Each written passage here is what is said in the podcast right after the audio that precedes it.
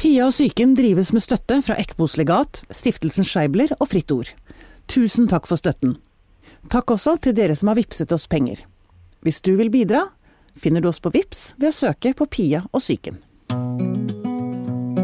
Alle har en syke, og jeg vil gjerne snakke om det. Det er det vi gjør her, sammen med huspsykiater Anne Kristine og en gjest. Dette er Pia om syke. Anne Kristine, i dag eh, har jeg ikke et rart spørsmål til deg. Nei. Det, var, det var rart. Ja, ikke sant. Bare si velkommen til deg. Takk for Igjen. det. Tusen Ja, takk. Veldig hyggelig å ha deg her igjen. Hyggelig å være her igjen.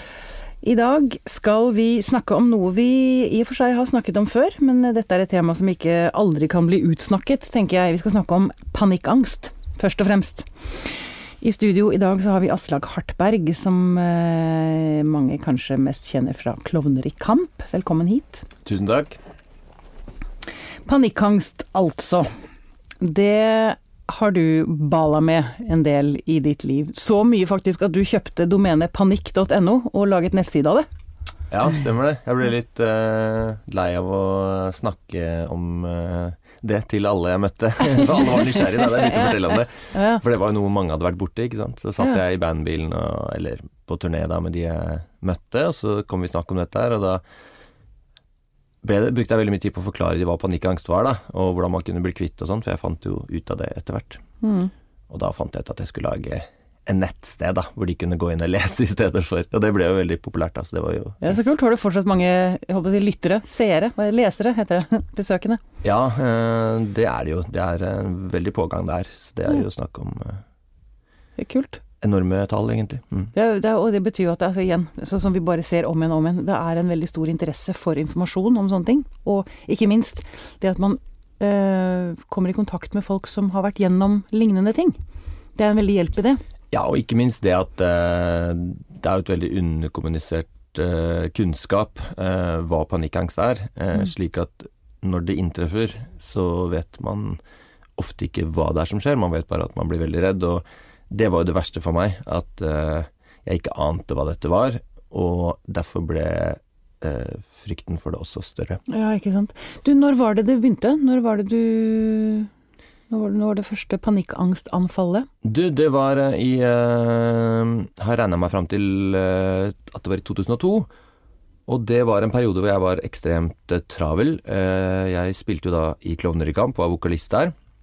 Og eh, eh, i tillegg så var jeg student og studerte jazzmusikk, og reiste som kontrabassist på turné med veldig mange band. Mm. Så eh, denne høsten, da dette inntraff første gang, så hadde jeg vært eh, først på turné i Spania og Frankrike og rundt i Europa med Bugg Wesseltoft i flere uker. Og så hadde jeg vært eh, på en lang tur i, i eh, Thailand og Malaysia. Og så hadde jeg eh, turnert i Norge med Klovner og så skulle vi da på en turné med Shining i Kina. Okay. Og da var jeg egentlig ganske fed up eh, allerede på, Og sliten- eh, på sliten flyet. sikkert. Ja. Og ehm, jeg hadde vel, eh, etter å ha hengt med litt sånn eldre jazzmusikere eh, veldig mye en periode, så venta jeg meg kanskje til å drikke bort eh, problemene litt også, så var litt sånn, det var litt lett å, å liksom løse det på den måten da, hvis man var sliten og sånn.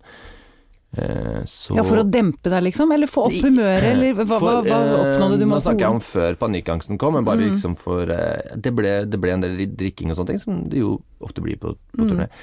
Og da husker jeg at da jeg kom fram til Kina da, så syntes jeg alt var ganske pyton. Det var eh, Jeg klarte ikke å få i meg noe mat, fordi at eh, den smakte eh, ikke helt sånn som kinamat gjør i Norge. Det var mer sånn hårete, kalde kyllinger og, og litt sånn eh, slanger og, og edderkopper. Mm. Ja. Så det ble ikke noe særlig mat, og så ble det ganske mye fylla, og så var, ja, får man jo et veldig jetlag når man reiser østover. Mm. Så de tingene i kombinasjon, det gjorde da at et, det andre eller tredje dagen så våkna jeg midt på natten. At det var noe veldig rart som skjedde. Og det var jo da et voldsomt panikkangstanfall, har jeg skjønt senere. Ja. Hva var det som skjedde helt konkret i, i kropp og i sjel og i hode og hjerte og sånn? Helt konkret så våknet jeg av en lyd, en høy lyd, eh, som hørtes ut som noe som braste gjennom døren eller noe sånt. Eh, det viste seg eh, etterpå at det var bare en fyr som hadde stått i naborommet og ramla med noen kleshenger i skapet. Men uh, oh, ja. det var et, uh, eh, en lyd som vekket meg, og som gjorde at jeg skvatt. Mm. Og da begynte det, for da reiste jeg meg opp i senga og følte liksom at eh, rommet gikk litt rundt, og at jeg, tenk, jeg tenkte ganske fort at nå ble jeg gæren, rett og slett. Blir- du tror du blir ja, gæren, ja? Ja, nå ble jeg gæren. Og, uh, for, det, for nå er jeg livredd. Mm. Uh, og så er det jo ikke noe å være redd for. Mm. Ergo må jeg være gæren. Såpass raskt resonnerte jeg egentlig. Og, og, så, og så hadde jeg litt sånn Jeg er jo en eh, pessimistisk eh, og nevrotisk type, det har jeg alltid vært. Sånn at jeg, jeg har alltid bekymret meg for f.eks. å bli gæren, eller for så sånn, Jeg hadde en mormor som var, eh, var ganske sprø og, og veldig skjønn, men, men som, som var Og så hadde jeg en fetter da, som hadde tatt livet av seg, som var schizofren. Så sånn det hang alltid der som en liten sånn skygge at herregud, jeg må ikke bli gæren. Det var ingenting som tydet på at jeg var det, men den natten så konkluderte jeg med at ok, faen. Nå er det skjedd, Nå er jeg blitt sprø, da. Men for det, det så leste jeg på nettsiden din at eh, mange kan tro at de er, holder på å bli schizofrene, eller at de blir schizofrene når de får panikkangstanfall. Ja, fordi Eller det er vel bare den det, det, I og med at eh, det fins Eller de fleste har så lite kunnskap om det, så tenker man jo Nå oppfører jeg meg eh, veldig underlig. Jeg er Mm. redd for noe, og det er ikke noe fare her. Mm. Og jeg har nærmest panikk, og det føles som at, som at, at, at veggene At gulvet svaier litt, og man er litt sånn svimmel og rar og sånn. Mm. Men det er jo ikke noe grunn for det. Og Da er det ikke noen annen forklaring egentlig enn at nå holder jeg på med å miste virkelighetsoppfatningen. Nå holder Ja. jeg på med å gå inn i en slags psykose eller noe sånt. Ja. Heldigvis så er det jo ofte ikke det som skjer, men, eh, men der og da så er det den store frykten. ja, nettopp. Er det, jeg må spørre Anne Kristine, ehm, det er kanskje vanlig det som Aslak sier her, at når man får møte panikkangst første gang, at altså, redselen blir nesten forsterket fordi man ikke skjønner hva det er?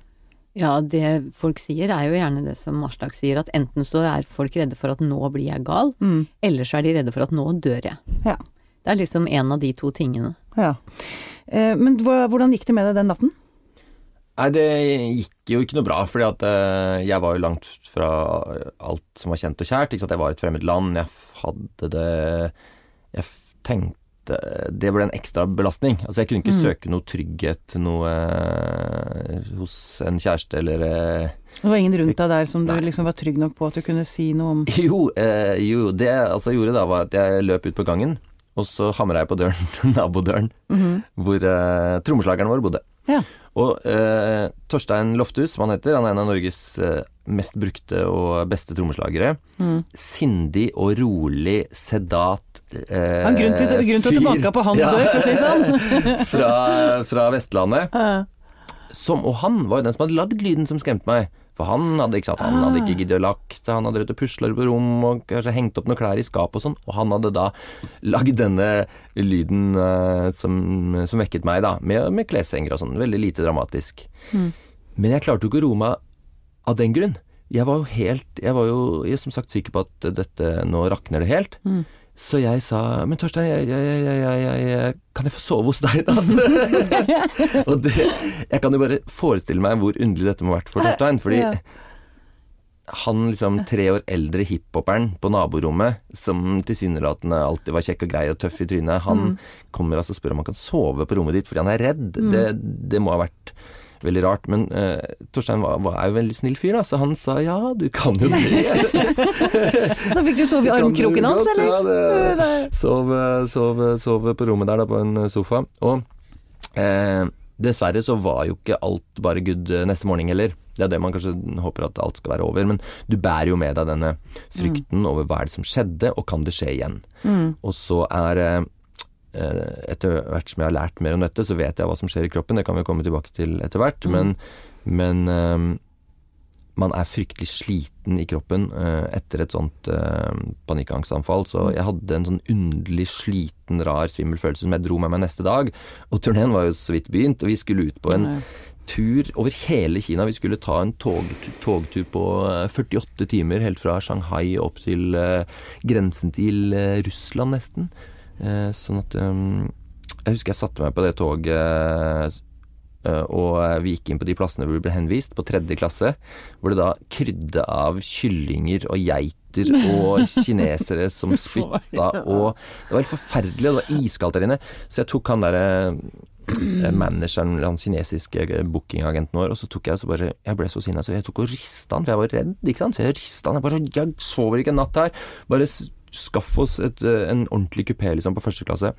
Og stakkar han der Mr. Cook, som han het, han, eh, han, han var ikke så jævla høy, og, og jeg var veldig sinna, så han eh, fikk ordna opp da og fikk oss inn på første klasse, som da tilsvarer sånn dårlige NSB-tog fra 70-tallet, liksom. Men, men da, da hadde vi i hvert fall en kupé for oss selv, da.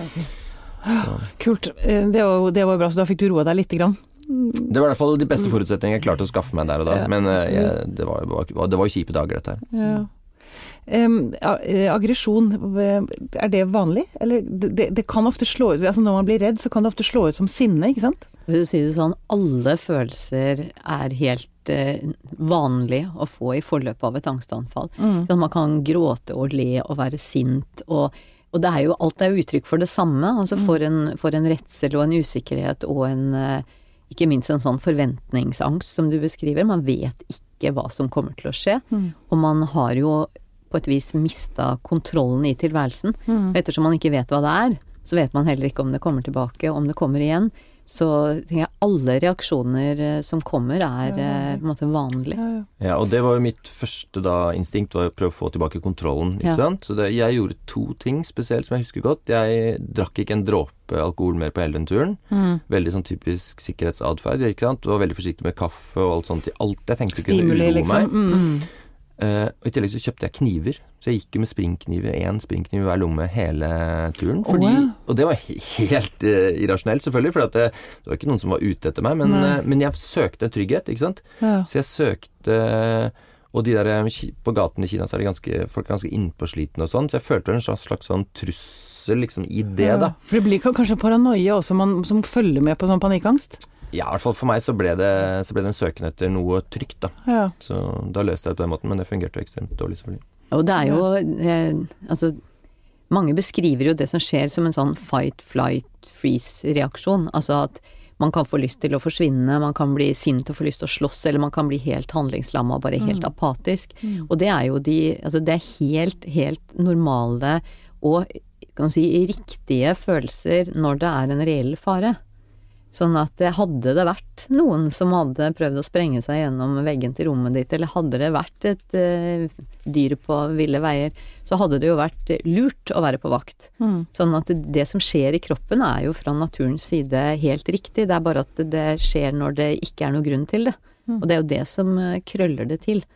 For da går man rundt og er eh, redd og på vakt og i, altså i Veldig- beredskap Veldig, veldig slitsomt. uten at det er eh, noe grunn til det. Eh, Du sa helt innledningsvis, eh, Aslak, at eh, folk rundt ikke vet hva panikkangst er. I dag har jeg rett og slett vært ute på gata og spurt litt folk hva de tror panikkangst er for noe. Um, og det fikk en del eh, interessante svar. Nå skal dere høre. Vet du hva panikkangst er? Jeg er faktisk litt usikker. Er det noe sånn eh, plutselig angst? Jeg tenker litt sånn øyeblikk Øyeblikkssak. Kanskje jeg tenker, Det første jeg tenker når du sier panikk, så tenker jeg sånn kanskje at eh, luften forsvinner, at man har problemer til å puste. og um, At det er veldig fysisk og des desperat i det panikkordet. Mens kanskje angst klarer man å gå rundt og puste litt, selv om det presser litt. Panikk ja, Det må jo være når det plutselig dukker opp noe som gjør at du blir helt satt ut. Da. Ja, for Angst kan du jo ha mer eller mindre hele tida, men panikk da er det et eller annet som en, en trafikkulykke du ser, eller noe som gjør at du får full panikk der og da. Men som en angst kan du jo ha sånn vanlig, tenker jeg, i, i det daglige. Mer eller mindre angst for et eller annet sånn småtteri. Vet hva det er. Ikke hadde det sjøl. Men du har hatt noen i nærheten din som har hatt det? Ja. Jeg har noen slektninger som hadde det. Hvordan vil du beskrive det? Sett fra utsiden. Jeg har aldri sett det sjøl, da. Men hva, hva Men det Det er jo helt forferdelig, sikkert. På hvilken måte? Nei, det er jo helt kaos, sikkert. At alt blir vanskelig. Så jeg vet jo bare har lest om det. Det er jo superkjipt for de som har det. Man må jo bare prøve å støtte og være, ha åpne ører og sånn. Men eh, jeg skjønner jo hvor eh, vrient eh, det er. Men at ikke jeg kan at det er en tilstand, selvfølgelig. da. Det er en sykdom. Ikke sånn nå må du bli frisk igjen og ta deg sammen, liksom. Det kan ikke være så ille, liksom. Det er ikke, ikke metoden, tror jeg. Det er jo veldig slitsomt, altså for du, du føler som du drukner. Og eh, hver dag er veldig slitsom ettersom at du har konstant eh, angst. Og det lager veldig fysiske problemer ettersom at du eh, har eh, panikk også. Em, hvordan, eller hvorfor tror du det oppsto? Uh, ja, for meg så var det vel anlag også. Men uh, jeg tror det oppstår også sånn som samfunnet er nå. Altså det er mye stress og vi bor et sted der det er veldig mørkt og kaldt. Og jeg tror det bidrar til det, så at alle er veldig alene. Eh, så man blir veldig ensom i de følelsene man har. Jeg tror kanskje det er interessant også å snakke om dette, for det er litt tabu rundt det. ikke sant? Kanskje hvis, så Jeg kommer fra Argentina, og i Buenos Aires, jeg kommer fra Buenos Aires, eh, snakker vi ganske mye om alle de psykiske problemene. De sier, Gjør dere det? Ja, og det sies at man eh, r- lofter en, en stein heter det, på gata, og så finner en psykolog i Buenos Aires. Så vi er mange, det er mange psykologer i Buenos Aires, og vi snakker ganske åpen om det, eh, den psykiske helse, kan man si. Ja, Er det, er det mindre åpenhet i Norge, syns du? ja det syns jeg. Hvordan merker du det? Ja, for eksempel, da jeg flyttet til Norge, fikk jeg litt en, eh, en sånn Ja, en slags Jeg fikk en depresjon. Og jeg søkte hjelp og begynte terapi. Og jeg fikk jobbe med det, men jeg husker at f.eks. I, i noen sammenhenger når jeg sa ja, ja, nei, på onsdag kan jeg ikke, for da skal jeg til eh, terapi, så var det litt stille.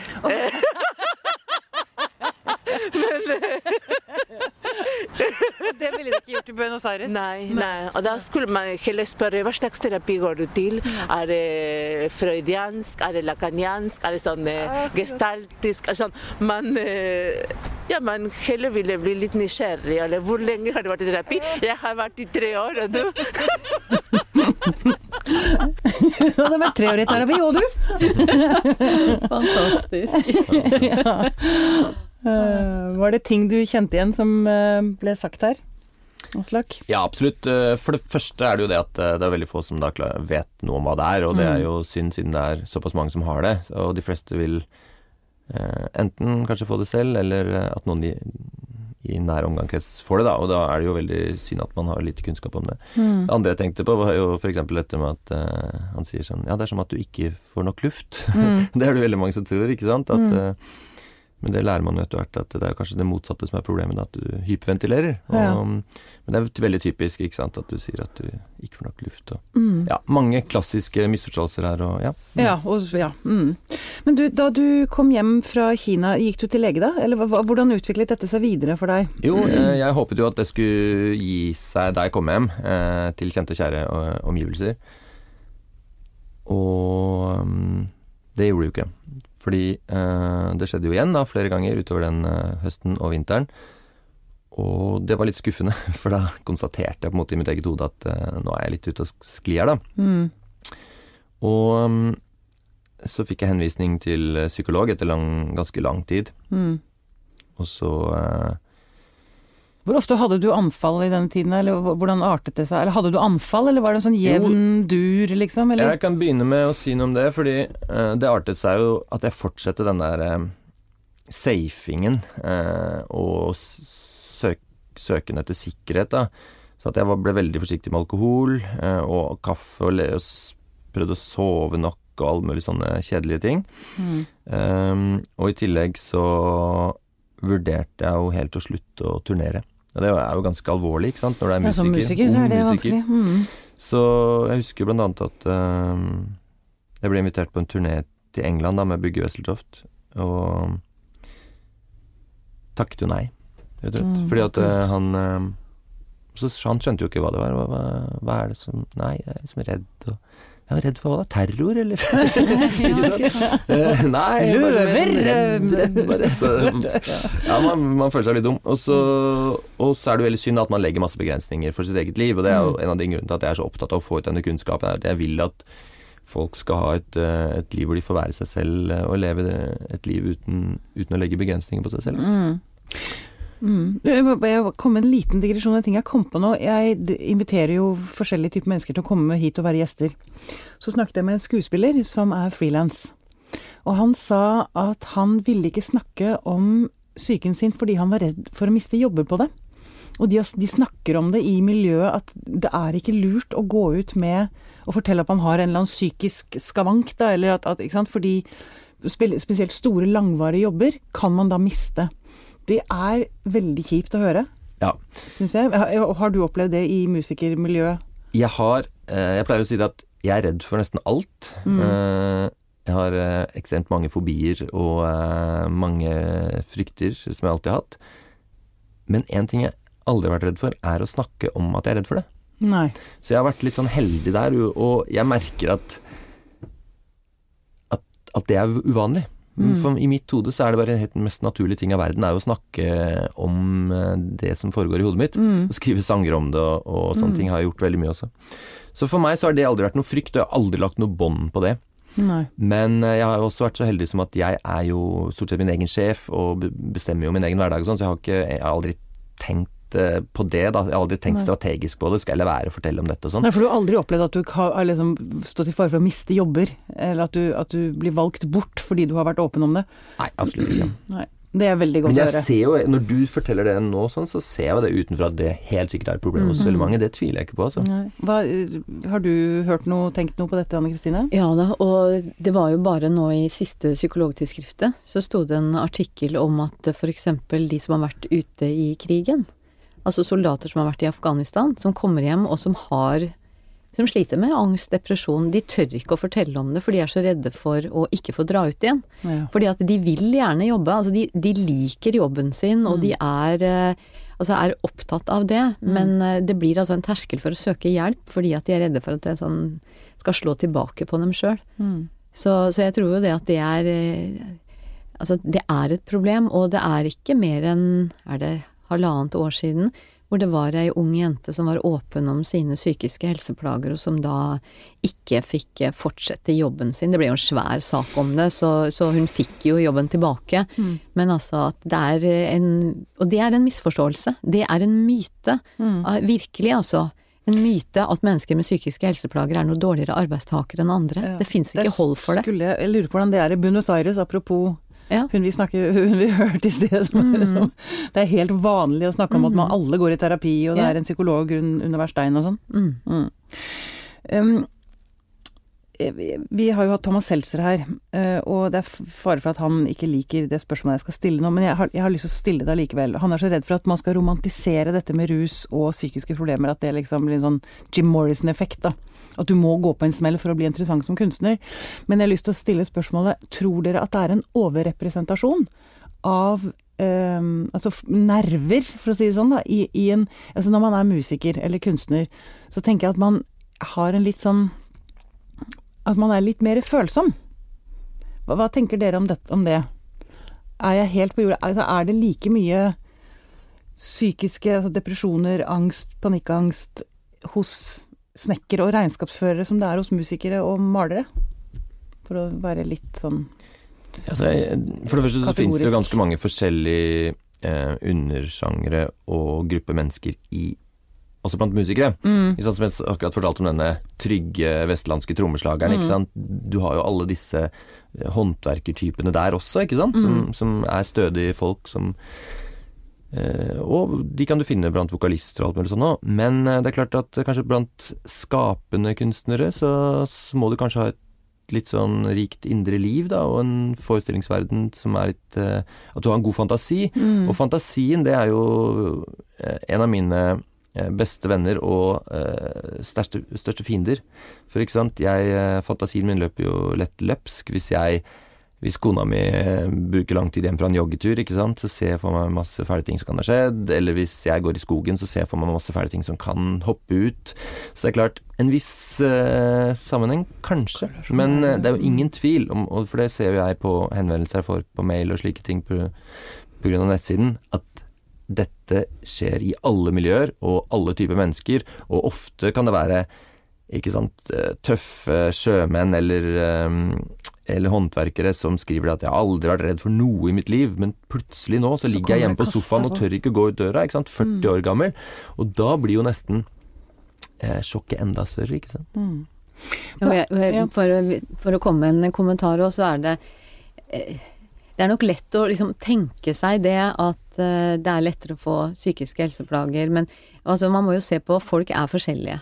Ikke sant? Har forskjellig personlighetstype og alt mulig rart.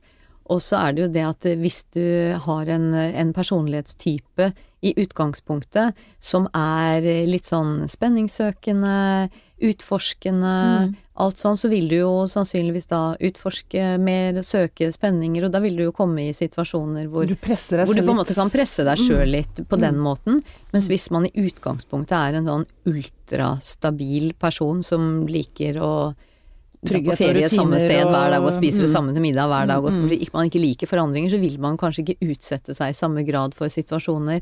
Så jeg tenker alt henger sammen med alt. Mm. Så det, ikke, det går jo ikke an å si at det er liksom én ting er årsak til den andre, men at kanskje det ligger en faktor bak der som gjør at man er litt mer i den Og retningen. så har du da sånne ekstra håpløse mennesketyper som, som jeg tilhører, da, hvor jeg har både denne da spenningssøk, veldig store spenningssøkingen, ikke sant, og eventyrlysten, Mm. som peker oppover og vil ha meg opp og frem og til å oppdage nye ting, gjøre nye ting. Mm. Men så har jeg også da tusen nevroser og, så, så, så, og, og, og eh, fobier og sånne ting som, som gjør at jeg jeg, jeg gjør hele tiden nye ting. Jeg elsker å stå på snowboard, dykke, bokse mm. Alle sånne ting da, Ja. som gir meg rush. Men så har jeg også jævlig redd for alle de samme tingene, ikke sant. Så livet blir jo veldig slitsomt og er komplisert. Du har et sterkt spenningsfelt, da, ikke sant? Ja. Så det er jo en morsom kombinasjon. Ja, ja. Men du, får få høre hvordan du um, jobbet videre med panikkangsten din.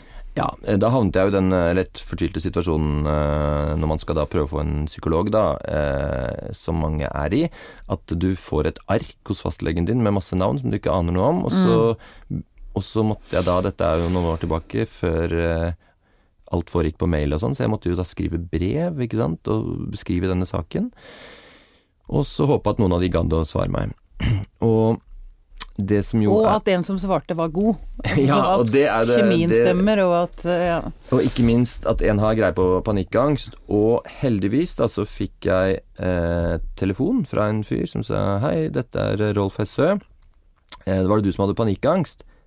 Eh, ja, sa jeg, eller jeg vet ikke helt hva det er, men det var jeg, Nei, jeg som skrev det brevet. Jeg hadde skrevet brevet og beskrevet hva det var, da. Ikke sant? Mm, mm. Eh, eller jeg hadde beskrevet symptomene. Mm. Og så, så, skjønte jo han med en gang at dette er panikkangst, og så sa han, ringte han og så sa han er det du som har panikkangst, Eh, du kan komme til meg.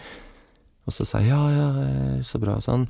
Og så sa han for dette fikser vi, vet du. Dette, dette, dette blir du kvitt. Og så bare Åh, for en han- han- deilig beskjed å få. Jo, men etter han hadde lagt på, så tenkte jeg hva er dette for slags eh, kvakksalver som ja, skjønner, skjønner, han ikke, skjønner han ikke hvor heavy dette oh, er, liksom? Skjønner han ikke alvor? Skjønner han ikke hvor vondt jeg har syk det. jeg har det, liksom? Mm, mm, mm. Eh, og så eh, dro jeg til han, eh, og da var jeg ganske sånn og tenkte at nå må det enten Nå får det briste eller bære. Altså, dette, det, var, det var litt sånn kjip følelse òg, fordi jeg tenkte at hvis han ikke kan hjelpe meg, så, så blir jeg veldig Da blir ting vanskelig. Og eh, så går jeg ut derfra da en halvtime senere og strekker henda i været og skjønner at dette var ikke farlig. Det er, jeg, basically, jeg var frisk etter, etter en halvtime. Mener du det? Ja, fordi, mener- fordi du fikk vite hva det var? Ja. Du ble, fikk diagnosen, liksom? Nei, eh, to ting. Ehm, for det første fordi eh, han eh, fortalte meg årsaken til dette. Det er veldig sånn, det kan vi jo snakke mer om. eh, altså års, hvorfor det skjer. Mm. Og, og eh, hvordan jeg kan unngå at det skal skje igjen, eller hvorfor hvorfor det ikke kommer til å skje igjen, eller hvorfor, hvordan jeg kan unngå at det skjer igjen. Og at han i tillegg til at du er jo i hvert fall ikke gæren, liksom. Du har vært, altså Schizofren er du ikke, nå har du vært hos meg en halvtime, liksom. Det kan jeg se med en gang. Liksom. Den nyheten det var helt fantastisk! For er det sant? Hæ? Eh, så det var, eh, det var all grunn til å strekke henda i været. Og det komiske var at dagen etter så dro jeg på den turneen til England, og jeg hadde det så fint. Og jeg har jo ikke hatt et panikkangstanfall siden. Og jeg var jo sånn to ganger til, bare for å, for å få litt, enda litt mer kunnskap om det. Men eh, det var basically det, altså. Mm. Og da kan man jo si uh, Hva hadde skjedd hvis jeg hadde kommet til en, um, en uh, som drev med psykoterapi, da, uh, sånn som Og jeg skulle hatt en annen innfallsvinkel til behandlingen, ville det vært like, effektivt? Det, Mm. det er ikke sikkert. Nei. Er det kan, kan, jeg holdt på å si, kan det gå så fort? Det har det jo åpenbart gjort med deg. Men er, er det hva, hva tenker du om dette? Altså, det, Anne det, kan, jo- det kan jo det. Ja. Beviset sitter jo her. Ikke sant? Men det som er fint å si til de som hører på, det er at det kan gå veldig fort over, og så kan det ta tid. Mm. Men som regel så blir man kvitt panikkangst. Ja. Eh, I motsetning til f.eks. schizofreni eller bipolaritet som jeg har, som ikke kan kureres, liksom. ja, altså panikkangst, de, de fleste blir bedre, men så er det jo også det at man kan jo selvfølgelig på et eller annet tidspunkt få et tilbakefall. Men så er det akkurat som at det er ikke så farlig, fordi at man vet hva det er. Og man gjenkjenner det når det kommer, for det som er så ille med, med panikkangst, det er at selve panikkangsten er nå én ting, men så får man den derre angsten for å få panikkangst. Så det er jo den som gjør at man eh, går ut med kniver i lomma, det er den som gjør at man avlyser turné, det er den som gjør at man ikke eh, tør å gå ut av døra. Det er jo forventningsangsten for å få panikkanfall. Fordi at, eh, og sånn at det man først lærer, det er jo det at et panikkanfall er ikke farlig. Og bare det å vite det når det kommer, det gjør jo det at du trenger jo ikke å bli redd, og så går det jo over, og så erfarer du det, ja, det gikk over. Mm. Det, det behøver ikke å hindre meg i noen Jeg ting. døde ikke, og jeg Nei, og når man selv, da har erfart det, Mm. og vet det, så tør man å stole på det, og så begynner man å gå ut og gjøre vanlige ting, og så finner man ut at dette går jo bra, Mm. og så blir det inn i en positiv sirkel. Men, eh, men eh, det også Altså for mange så vil det være en anledning også til å se litt på eh, Driver jeg og overbelaster meg sjøl i hverdagen? Fordi, ikke sant, når de, ja, vel, de fleste får et eh, angstanfall, så kommer det jo fordi man er på en måte sliten av Mm. en eller annen grunn. Stressa, sliten, overbelasta. Som du vel var i Kina. Det var vel det som slo Ja, det var jeg nok eh, helt klart. Eh, men på en måte så er jeg jo bare glad det skjedde også, fordi Mm. da fikk jeg jo til slutt funnet ut av det, og så, ja. Hva skal jeg Ja. si, det hadde vel skjedd en eller annen gang før eller siden uansett. Ja, ikke sant. Altså, Men av, vet du av, av og til må kroppen rope veldig høyt for at man skal høre etter. Ja, og det er jo det den gjør kanskje, med panikkangst. For det er, jeg vet, uh, som jeg har hørt og som jeg også leste på din side, er at det er mange som kommer til legevakten og tror de har fått hjerteinfarkt. Og så er det et uh, Mm. panikkangstanfall de har. Mm. Fordi, eh, ja det er jo da vi kan vi gå litt inn på hva det skyldes, men det er jo da en fryktreaksjon som settes i gang, ikke sant. I mitt tilfelle, jeg skvetter midt på natten, Mm. Og tror, kroppen tror at jeg er i fare, ikke sant. Mm. Så da begynner det å skje en del fysiske eh, utslag. Hjertet begynner å banke veldig hardt. Det er grunnen til at mange tror de får Hjerteinfarkt. eh, hjerteinfarkt. Ikke sant? For de kjenner for, det, for første gang så kan de kjenne at hjertet slår skikkelig. Um, kroppen skiller ut eh, endorfiner og, og adrenalin. Mm. Eh, endorfinene er jo for å bedøve deg. Hvis du hadde vært i en reell fare og var blitt f.eks. bitt av en løve, da, så trenger du jo bedøvelse. Og eh, hvis du skal slåss mot denne løven, så trenger du adrenalin for å bli sterk. Og så trekkes alt blodet sammen i magen, eh, mageregionen, sånn at hvis du skulle bli bitt av denne løven, som kroppen kroppen kanskje tror du er angrepet av, så øh, vil du ikke blø så mye. Så det er mange sånne naturlige ting som skjer, men som oppleves veldig dramatisk. Bare Det skjer noe helt rart med kroppen min, ikke Blir kald og å, ja. Ja, det blir Ja. Og, og det prikker i ansiktet, og, og får gåsehud og så, så alt dette gjør jo at du føler, føler at kroppen din uh, er blitt helt ko-ko, da. Men uh, når man lærer om, lærer om det, så virker det logisk, liksom. Å ja, er Mm. det derfor, ja? Kroppen, det kroppen prøver bare å forsvare deg. Ja. Og det er fint å kunne tenke hvis det skjer igjen, at man liksom da har en rasjonell Mm. forklaring på at det er en grunn til at jeg svetter og er nummen og kald og whatever. Mm. Mm. Og så um, det som var også veldig viktig for meg, eh, i tillegg til å få denne forklaring, logiske forklaring Jeg elsker jo logiske forklaringer, ikke sant, og, og det, det gjør man jo. Man vil jo forstå. Mennesket ønsker å forenkle og forstå, og det, det føles veldig godt. Eh, I tillegg til det så var det også veldig nyttig for meg å lære hvordan jeg da kunne stanse det hvis det skjedde igjen, og det handler mye om hyperventilering, da. Man sier jo det, ikke sant. Eh, Pust rolig, sier man når noen er stressa. Mm. Men man Det høres litt sånn kjerringrådaktig ut, men så viser det seg når man går inn på biologien, så ser man at det er helt, eh, det er helt korrekt råd, ikke sant. Fordi at det gjør at, at angstreaksjonen stopper, da. Og det er derfor man skal puste i pose, Det er derfor man skal puste i pose. Og da må jeg bare si det at uh, når man snakker om å puste i pose, så snakker man om å puste i papirpose. Så putt ingen hodet der inn i en ute i plastpose. verden eh, tar en plastpose, for da får man ikke i seg oksygen. Når man puster i pose, papirpose, så er det for at man trenger å få tilbake litt av den karbondioksiden man har pusta så kan jeg bare si, jeg må nevne det, jeg som også har hatt panikkangsttendenser. Man ikke har, det er jo ikke alltid man har en papirpose for hånden. Det jeg lærte også, var at det er ikke så mye innpusten, men utpusten som er viktig å kontrollere. Og det å puste gjennom knyttet neve Da stopper du pusten, sånn at den, den må gå saktere. Ja, for den, bare den lukke munnen, ikke sant. Puste gjennom nesa så, ja. kan hjelpe. Ja. Men Så, er det, for det, man man, kan jo få panikk. Man har, har ikke 'Jeg har ikke papirpose, jeg har ikke papirpose!' Ha! Nei, og det er nettopp derfor at uh, man vil jo ikke at folk skal bli avhengig av denne papirposen eller, Mm. uh, eller det. Men det jeg gjorde også litt for å lære, lære litt om min egen pust, var at jeg brukte litt eh, tid på sånn pusteøvelser. Da. Bare puste, telle noen sekunder, og det er noen sånne knep man kan gjøre. Det gjorde at jeg fikk en veldig trygghet, og at hvis jeg kjente at eh, nå er jeg stressa sånn, så kunne jeg liksom klare å senke åndedrettet, og så kom det ikke noe panikkangstanfall. Og det ga meg en veldig trygghet. Nå skal det sies at eh, det funker veldig bra, men det beste er jo å klare å takle det helt uavhengig. Og det kan man gjøre ved eksponeringsterapi, da. Og det har jeg jobbet en del med etterpå. Og da øver man på å fremprovosere panikk. Og det høres litt dramatisk ut, men det er jo ikke farlig i det hele tatt. Og man gjør det jo da sammen med en veileder. Eh, og da har jeg sittet da og mm, prøvd å hyperventilere, f.eks. Eh, og da kjenner du, ikke sant. Da kjenner du disse symptomene. Hjertet begynner å banke fortere, man blir litt svimmel, man blir klam i hendene og sånne ting. Og så stopper man, og så bare kjenner man på det. Det er ikke noe farlig. Det er bare kroppen. Og så gjør man det mange ganger rolig først, bare litt først, ikke sant. Og så kan man gjøre det mer og mer og mer.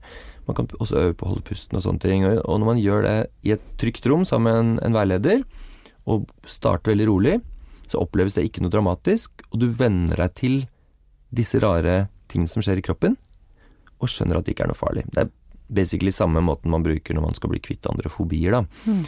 Og det er veldig effektivt, eh, og det gjør at når jeg nå på en søndag f.eks., hvis jeg er litt fyllesyk og litt sliten eller overarbeida og rett fra turné og sånne ting, merker at liksom at det kanskje kommer noen litt sånne symptomer, så sier jeg bare hei, hei, kroppen, nå jeg skjønner hva du prøver på, men eh, det funker nok ikke så bra på meg lenger, eller ja. Bare trekker på skuldrene av det. Og det er jo vidunderlig, ikke sant, at man blir ganske sånn korte og, og enkle øvelser så kan man komme dit at man Dette som man før har fryktet mer enn noe annet, det blir bare en sånn skuldertrekning.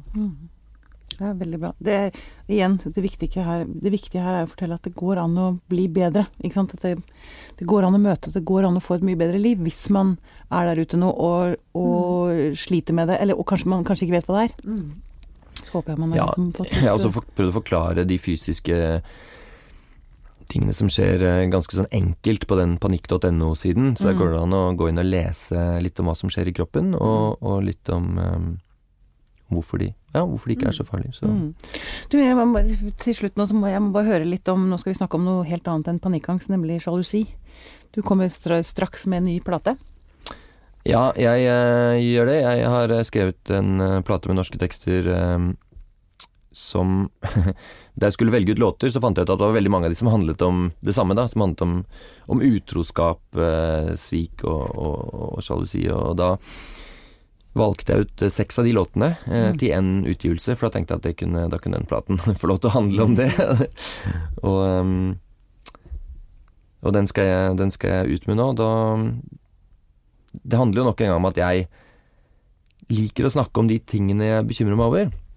Og det begynte jo med at jeg um, brukte mye tid på å bearbeide mine foreldres skilsmisse, da, ikke sant? Og de, det svikene og utroskapen jeg opplevde da eh, i, i tenårene selv. Og um, da jeg selv fikk barn, så fikk jeg en voldsom uh, bekymring for å gå i den samme fella selv, ikke sant? For selv å bli den som sviker og selv bli den som svikter barna dine og får et dårlig forhold til barna dine og kanskje mister kontakt med barna. Så jeg brukte det som utgangspunkt da, på å skrive en del tekster rundt, rundt emnet. Ja. Kult. Det skal bli spennende å høre. Ja, og det skal bli spennende å gi ut òg, fordi um, det er første gang jeg synger på en plate, egentlig. Jeg har jo rappa i alle år. ja, ja, ja. Nå er det vel mer over i sang og Litt mer eh, personlige tekster og ja, det mm, Har du prestasjonsangst, bare for å snakke om enda, en- enda en fobi? Nei, ja, jo, vet du hva, jeg, jeg har kjent så veldig masse på det opp igjennom. Ja, det var det. Eh, Men eh, der hvor jeg er nå i dag, så er det sjelden, sjeldnere og sjeldnere, da. Men jeg har nok Ja. andre ting å bekymre meg over, så det er greit å slippe det. ok. Aslaug Hartberg, tusen takk for at du kom til oss.